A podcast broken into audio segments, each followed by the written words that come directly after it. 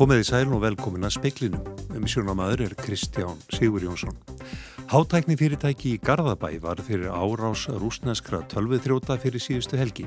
Þrótatni krefjast miljóna króna í lausnagjald fyrir gögg sem að þrótatni lögðu hald á.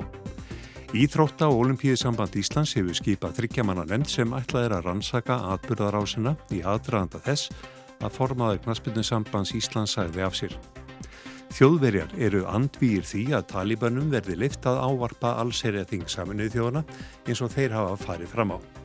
Framsóknarflokkurinn er með rúmlega 14% fylgi í nýri fylgiskönnun MMR og mælist næstæstur. Sjálfstæðisflokkur er með tæp 20%. Og aðtatnamadurinn Róbert Guðfinnsson hefur selgt allar eigni sínar sem tengjast ferðarþjónustu á Siglifyrði. Hefur sett allar eigni sínar sem tengjast ferðarþjónustu á Siglifyrði til sjölu. Rúsneskir tölvuþrótar gerðu fyrir helgi árás á tölvukerfi hátækni fyrirtækis í Garðabæ.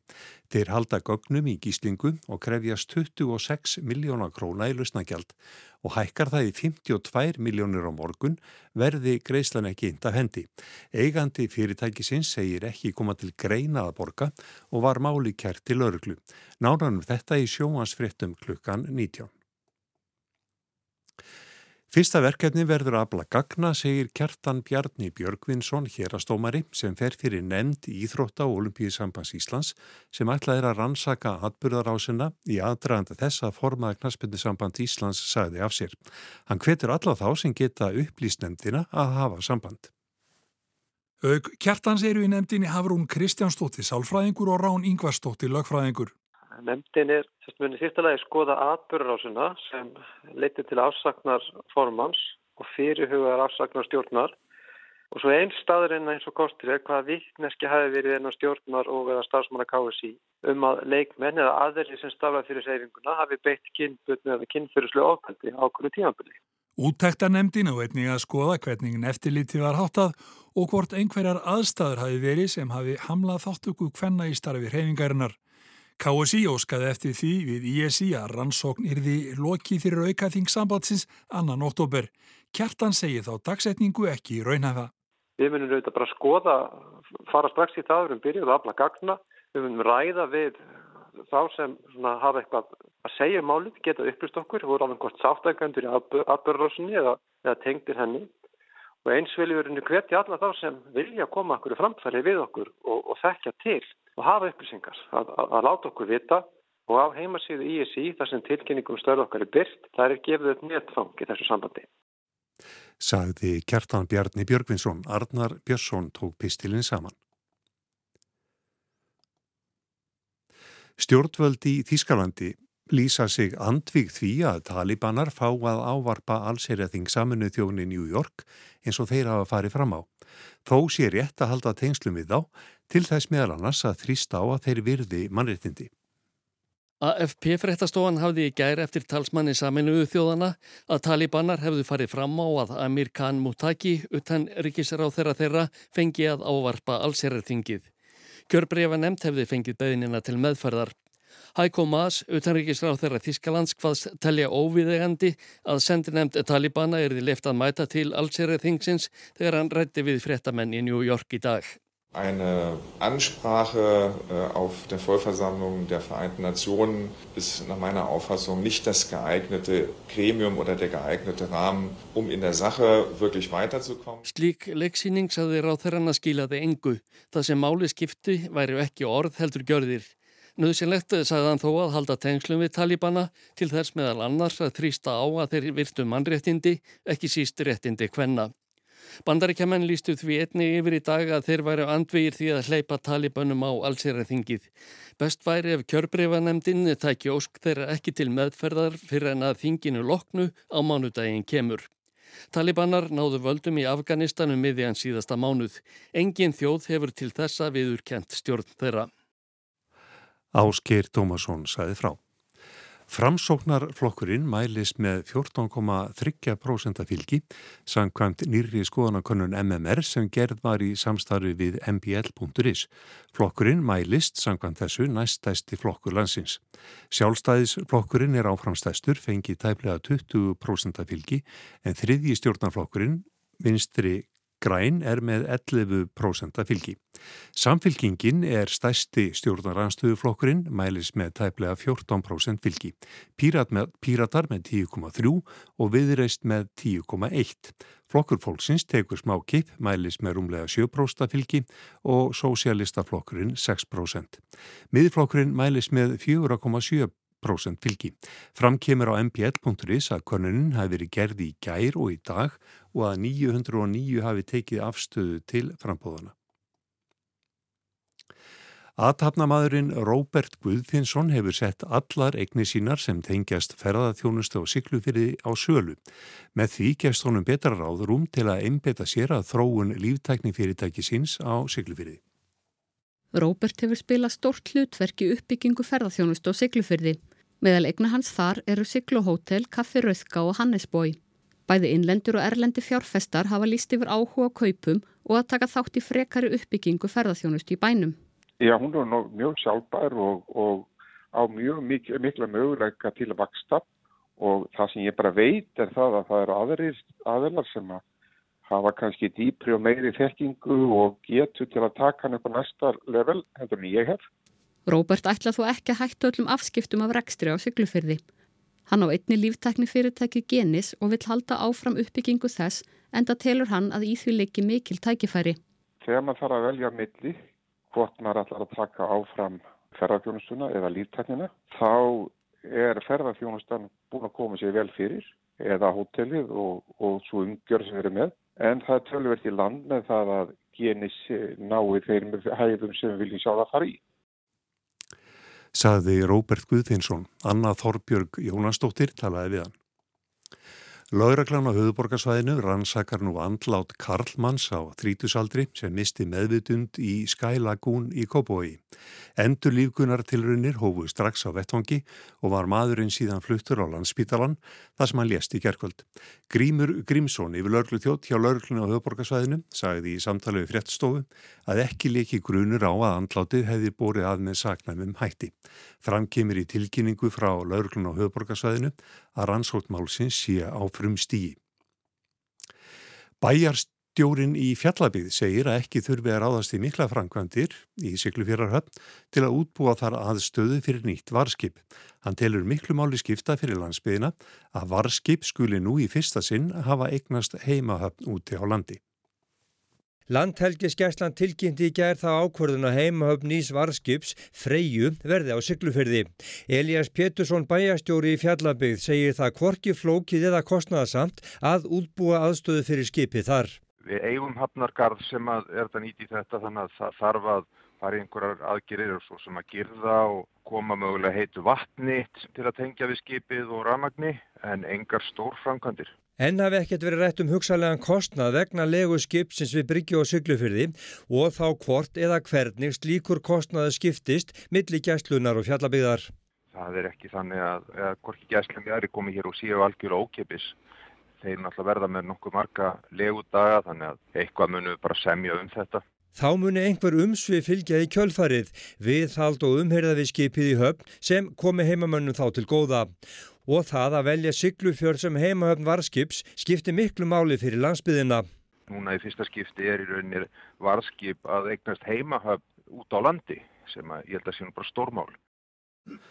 Þetta var Elias Pétursson, Ágúst Ólafsson talaði við hann.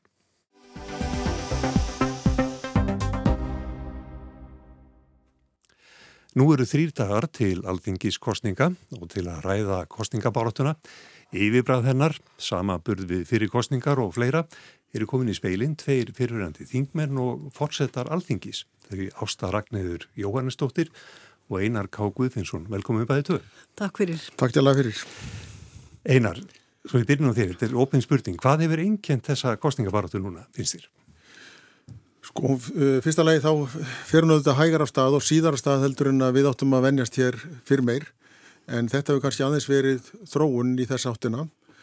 E, mörgum finnst að hún hafi verið döfleg og, og litlaus en ég held að það sem að engjannana er kannski fyrst og reynst það að við erum að koma, við erum auðvitað mjög óvanlegum tímum. Þá má ekki gleyma því að COVID-fárið hefur auðvitað haft mikil áhrif á það hvernig menn hafa getað háð sína kostningabaratu við sem að vorum uppi á fyrir dögum. Við munum það að þetta fólks mjög mikið í fyrirtækja heimsóknum, hitta fólk, kynna sem flestum, halda fundi, farum allt. Þetta er auðvitað ekki nokkuð möguleiki að gera. Og síðan hitt sem að er, þegar maður horfir á þetta svona í, í baksinnspeiklinum, þá finnst mér líka auðvitað að hafa orðið gríðarlega breyting með þessari byltingu sem hefur orðið á, í samfélagsmiðlum og uh, kostningabarátan er háð eftir því sem ég er skilst mjög mikið í gegnum þá.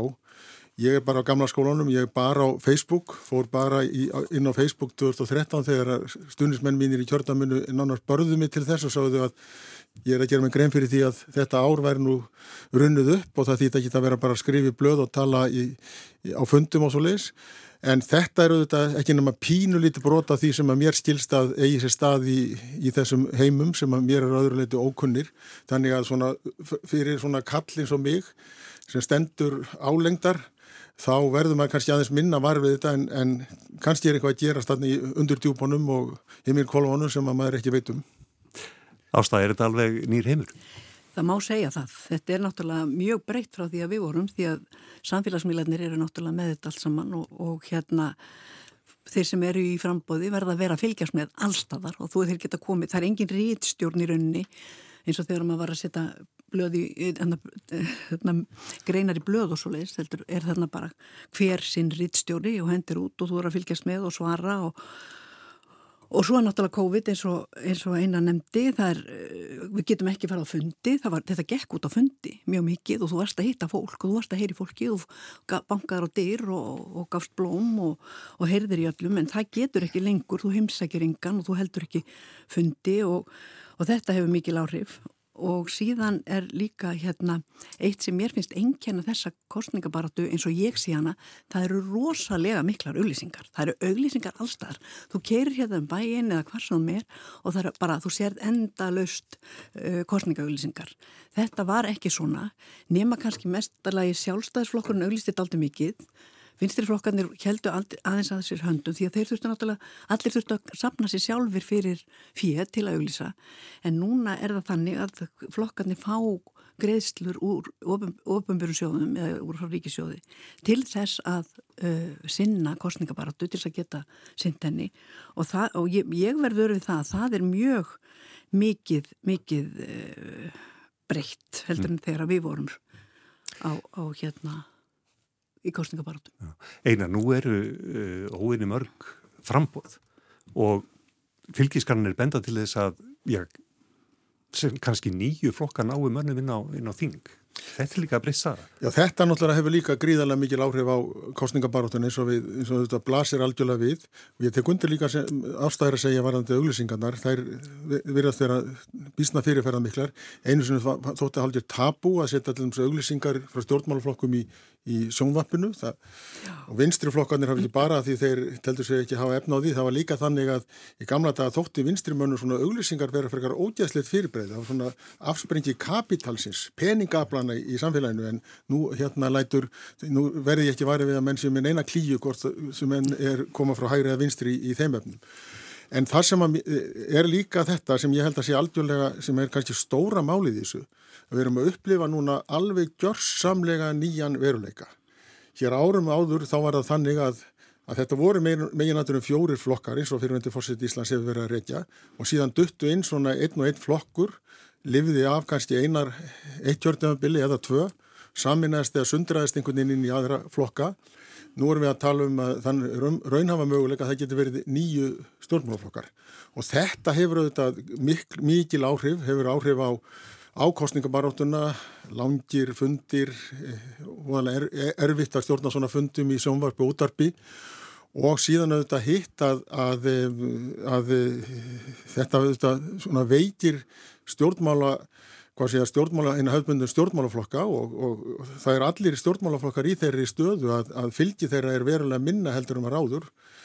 Minnflokkur er núna með kannski um fjórðungsfylgi, við vorum á góðum dögum með millir 30 og 40 Eh, flokkurinn sem að Ástakjem kom úr, uh, hann var flokkur sem að 2003 og 2007 var á millir 30 og 40% flokkur og er núna að tala um að sé að sæti sér veðrið og fær úr 12-14%. Mm. Þannig að þetta er náttúrulega alveg aldjörlega nýr veruleiki og mun hafa mikil áhrif og ég óttast að muni líka smittast inn í og heldur blasi við að muni smittast inn í það sem kemur í kjölfarkostningana þegar mann fara að reyna að búa til ríkistóknir og ég hef miklar áhyggjur á því. Mm.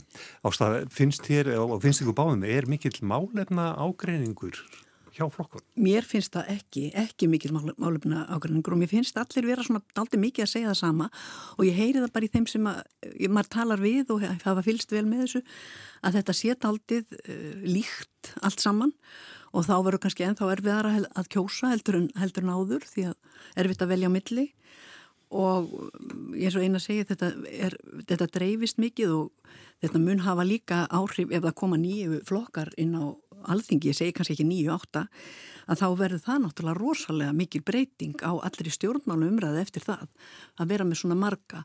Og núna sérstaklega þegar eins og þetta hefur verið í COVID að þingið hefur verið drift um viða um þinghúsið. Þetta er aldrei í einum sál þinghefðin hefur breyst, umræðan í þinginu hefur breyst við það því það var alltaf svona þjættari umræða þegar allir voru í litlum sál svo umræðu hef, hefur tapast aldrei undanferðið og ef að það nú áf, verður nú áfram þannig og svona, svona margir flokkar þá veit ég ekki alveg hvernig, hvernig þetta verður og kannski verður þingfossita bara vorkun ef hann verður eitthvað uppgifin á þessu öllu saman sko.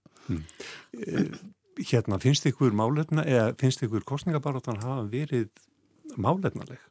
Eða verið ykkur hefti í henni? Já, það hefur verið fallið alls konar orð og það er þetta tíma, tíma, til endalus dæmi en, en ég hef líka verið veri varfið að kannski nýliðar er eitthvað hörundsárir yfir svona einhverjum málum sem að þeir sem eldri eru hefðu nú svona hrist af sér og ekki verið að gera mjög mikið veður út úr því. En eh, ég held að þessi, þessi staða sem við erum upp, með uppi með þennan mikla fjölda stjórnmálaflokka muni gera framhaldið óskaplega erfitt og uh, sko það sem mér finnst líka svolítið aðtiklisvert er það að við erum núna að koma út úr þessu COVID-fári vera, það fer nú að nálgast tvö ár síðan að þessi ósköp dundi yfir okkur. Við erum fyrir mestu efnags hvað sé að niðursveiflu sem við höfum fengið eh, kannski á, í svona samdráttu landsframlýslu eitthvað svipað eins og var þarna í hrununni minnum ég að hafi komið fram. Og við erum að koma út úr þessu og við komum á löppunum út úr þessu og ég hefði einhvern veginn ímyndað mér að umræðan myndi svolítið fjalla um þetta, hvernig ég tókst til í þessu öllu saman. En e, mín tilvinningur er svo einhvern veginn í, þegar maður fylgjast með umræðinni að sé allir búin að gleima þessu við séum bara að þetta hafi verið bara sjálfsögður hlutur. Við höfum bara, þó við höfum mist út sko lang, lang stærstu útflutningsgrein þjóðarinnar þá svona tókst okkur að, að hýfa okkur í gegnum þetta sem er náttúrulega mínum aðti kraftaverk sem að þessi stjórnvaldi eiga mikið þátt í og reyndar stjórnaranstæðan tók þátt í því. En maður hefði ímyndar sér við þessar aðstæður þá myndi menn svona vilja svona einhvern veginn horfa til framtíðar í ljósið þessari reynslu. En ég, ég verð ekki var við það.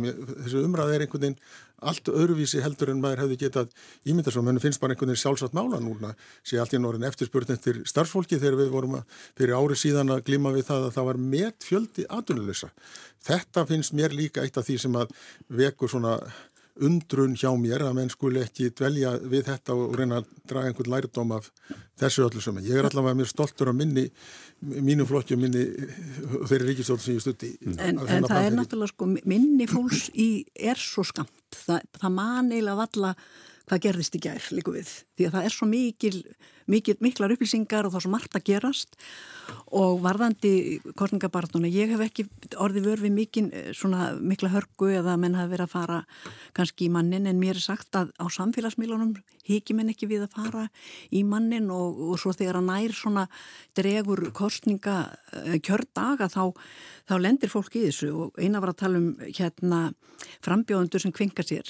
Það er náttúrulega þannig að það þarf að hafa mjög sterkar taugar til að vera í stjórnmálum og ég held að það þurfi enn sterkari taugar í dag þegar að þetta er orðið svona mikið og þú getur fengið skotin á þig allstaðar að og þú þarf alltaf að vera vakandi og fylgjast með að þá þartu og ég held að þessir ungu stjórnmálumenn sem er að fara út á völlin að þeir verða að gera sig grein fyrir því að það, að það þarf að brinja sig mjög mikið þegar maður fyrir stjórnmál og láta það ekki á sig fá þó að maður fái yfir sig dembunar, mm. það er bara þannig.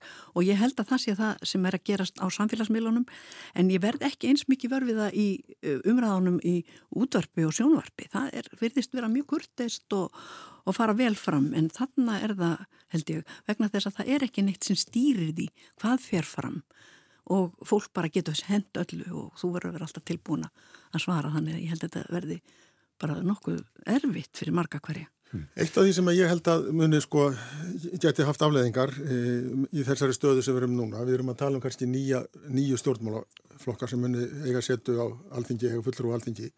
Það er þessi mikla enduníin sem að þetta lítur að, að hafa í förmið sér við, á skipan alþingis og ég held að ég ástað sem örgulega sammálu um það að þegar við horfum á þetta núna í svona, einhverju svona samhengi þá hefur að mínum að minnst okkursti orðið of mikil enduníun á alþingi. Þegar ég kom á þing 1991 þá var svona kynnslóðaskipti en síðan árið þáru eftir urðu kannski þalsvægt minni breytingar, það verið 40% breyting hætti 91 og síðan var það þarna 2000 9, 13, kannski 16 urði aftur svona ofbáslega mikla breytingar. Þetta held ég að, að kunni ekki góðri lukkastýra. Ég er ekki endalega að mæla með því að allir verði svona eiliður augnakallar eins og ég var í 25 mm. ár en fyrir mánu kannski fyrirverð eins og eins og eins og var sagt og ég hefði talið, ég, ég myndi hafa áhaugjur á því fyrir sko, fyrir, ég, fyrir stjórnmálinn, fyrir alþingi, fyrir eh, stjórnvöld komandi kjörtjáðan bils að þessi mikla breyting uh, gæti orðið. Og, uh, og ég er ekki að varpa rýrið á neina þá sem að verða kostnir en það hef ekki humut um hverju það verða náttúrulega nema einhverju litið sem að getur rýmyndast hér en þetta snýst ekki um það, þetta snýst bara um, um svona ákveðin stöðuleika sem að uh, ég held að sé ákala mikilvægur fyrir, fyrir alþingi. Ég, ég get fyllilega tekið undir það, það er mjög mikilvægt að það sé ákveðin festa, ákveðin reynsla innan þingsins sem að miðlar áfram til, til eh, þeirra sem koma inn en, en það er rétt, ég, mér finnst að ég er sammáleinar með það, mér finnst það að orðið of mikil nýjú, eh, endur nýjun í þinginu en auðvitað er það líka gott, það verður að koma, kemur, það verður að koma inn nýtt blóð en það verður líka að vera einhver stöðuleiki og, og reynsla inn í þinginu. Ég heldur að hafa þetta loka orðin ást að Ragnhildur, Jónastóttir og Einar K. Guðvinsson, takk fyrir komuna í speili. Takk svo með þess. Takk fyrir, skjálja.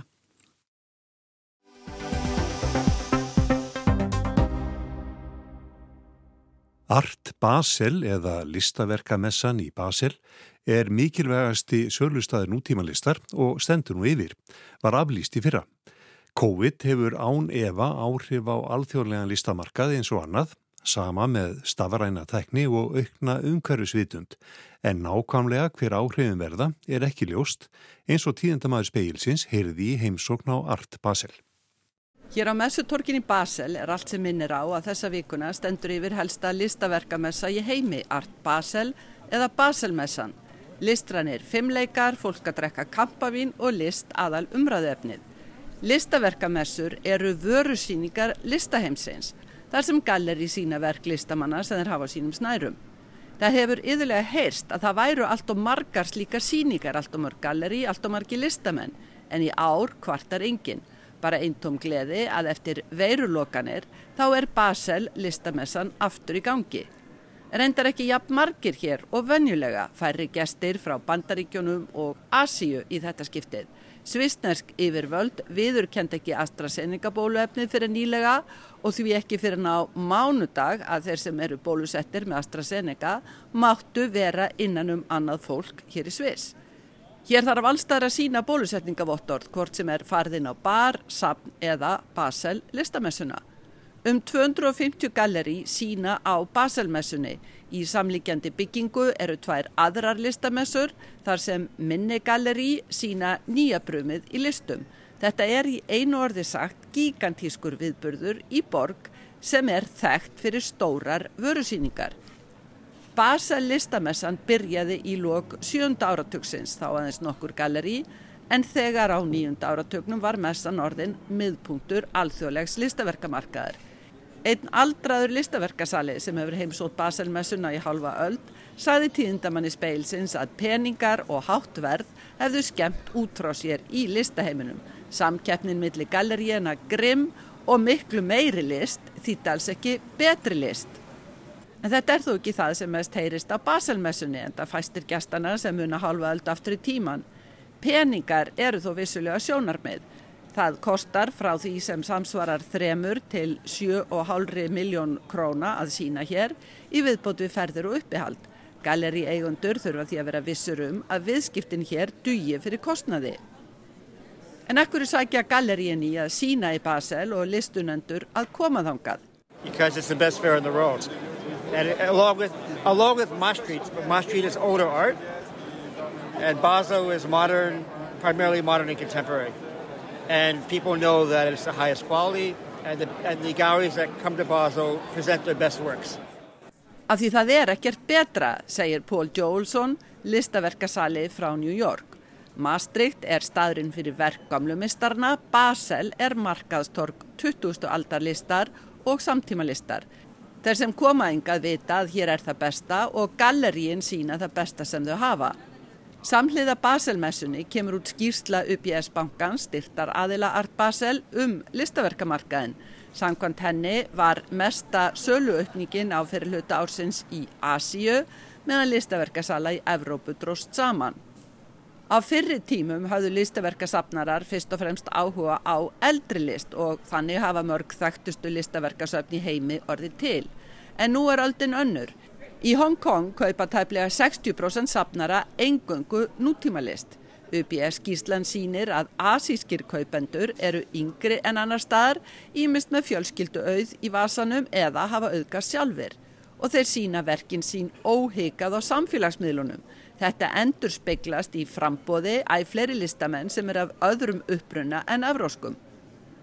Það má allstaðar sjá nýja peninga, segir Jólsson, úrvóðunarsjóðum, fjármálastarðsemi og stafrænum gjaldmiðlum. New collectors are helping to fuel the market. Uh, people who are making money in hedge funds, who work for banks, who are dealing in bitcoins, in cybercurrency. COVID og stafræn þróun hefur hert á ströymum sem áður voru sínilegir, segir Alice Williams sem rekur galleri í London og Basel. COVID stöðvaði ekki listaverkakaup þó fólk gæti ekki ferðast því það var hægt að kaupa og skoða list á netinu. Already before COVID and the lockdowns, there was a, a need for the art world to become more digitalized. It was really behind other industries. I think also there was questions about the art fairs, the way art fairs operate, whether they actually were dated. Þegar fyrir verulokanir var ljóst að listaheimurinn var eftir á í stafrætni tækni og einnig spurning hvort þetta fyrirkommalagi kringum listamessur var ekki úrælt. Aukin umhverfisvitund hefur líka sitt að segja. Williams segist vissulega njóta þess eins og aðrir að hitta fólk og sjá afturlist í alvörunni, ekki bara á skjánum. Everyone's become far more conscious of the environment in these couple of years too and the fact that people weren't flying around the world uh, through COVID. En allir hafa átt að sig betur á umhverfisáhrifum eftir þessi tæpu tvö COVID ár þegar fæstir hafa verið á ferðinni. Kanski gleymist þetta allt, listamessurnar halda bara áfram eins og áður en Williams og fleiri eru frekar á því að umhverfisáhrif, stafran tækni og kannski líka yngri kaupendur hafi sín áhrif á framfinduna á alþjóðlugum listaverkamarkaði hvað sem líður íhaldsemi svislendinga. Sigrún Davísdóttir saði frá. Það var helst í speklinum að hátækni fyrirtæki í Garðabæ var fyrir árás rúsneskra tölvithróta fyrir síðustu helgi. Þrótarnir krefjast miljóna króna í lausna gjald fyrir gögg sem lögðu, þeir lögðu hald á. Íþrótta og olimpíðsamband Íslands hefur skipað þryggjamanna nefnd sem ætlað er að rannsaka atbyrðarásina í aðdraganda þess að formaða knasputninsambands Íslands sagði af sér. Þjóðverjar eru andvýr því að talibönum verði leift að ávarpa allsýrjating saminu þjóðuna eins og þeir hafa farið fram á. Framsóknarflokkurinn er með rúmlega 14% fylgi í nýri fylgiskonnun MMR og mælist næst stæstur. Sjálfstæðisflokkur er með um 22% fylgi en ekki 20% eins og við sagt var fyrr í frettum. Og aðtapnamaðurinn Róbert Guðfinnsson hefur sett allar eignir sínar sem tengjast ferðarþjónustu á Siglufyrði á sölu. Fleiri er ekki í speklinum í kvöld, tæknimaður í útsendingu var Mark Eldredd, veriði sæl.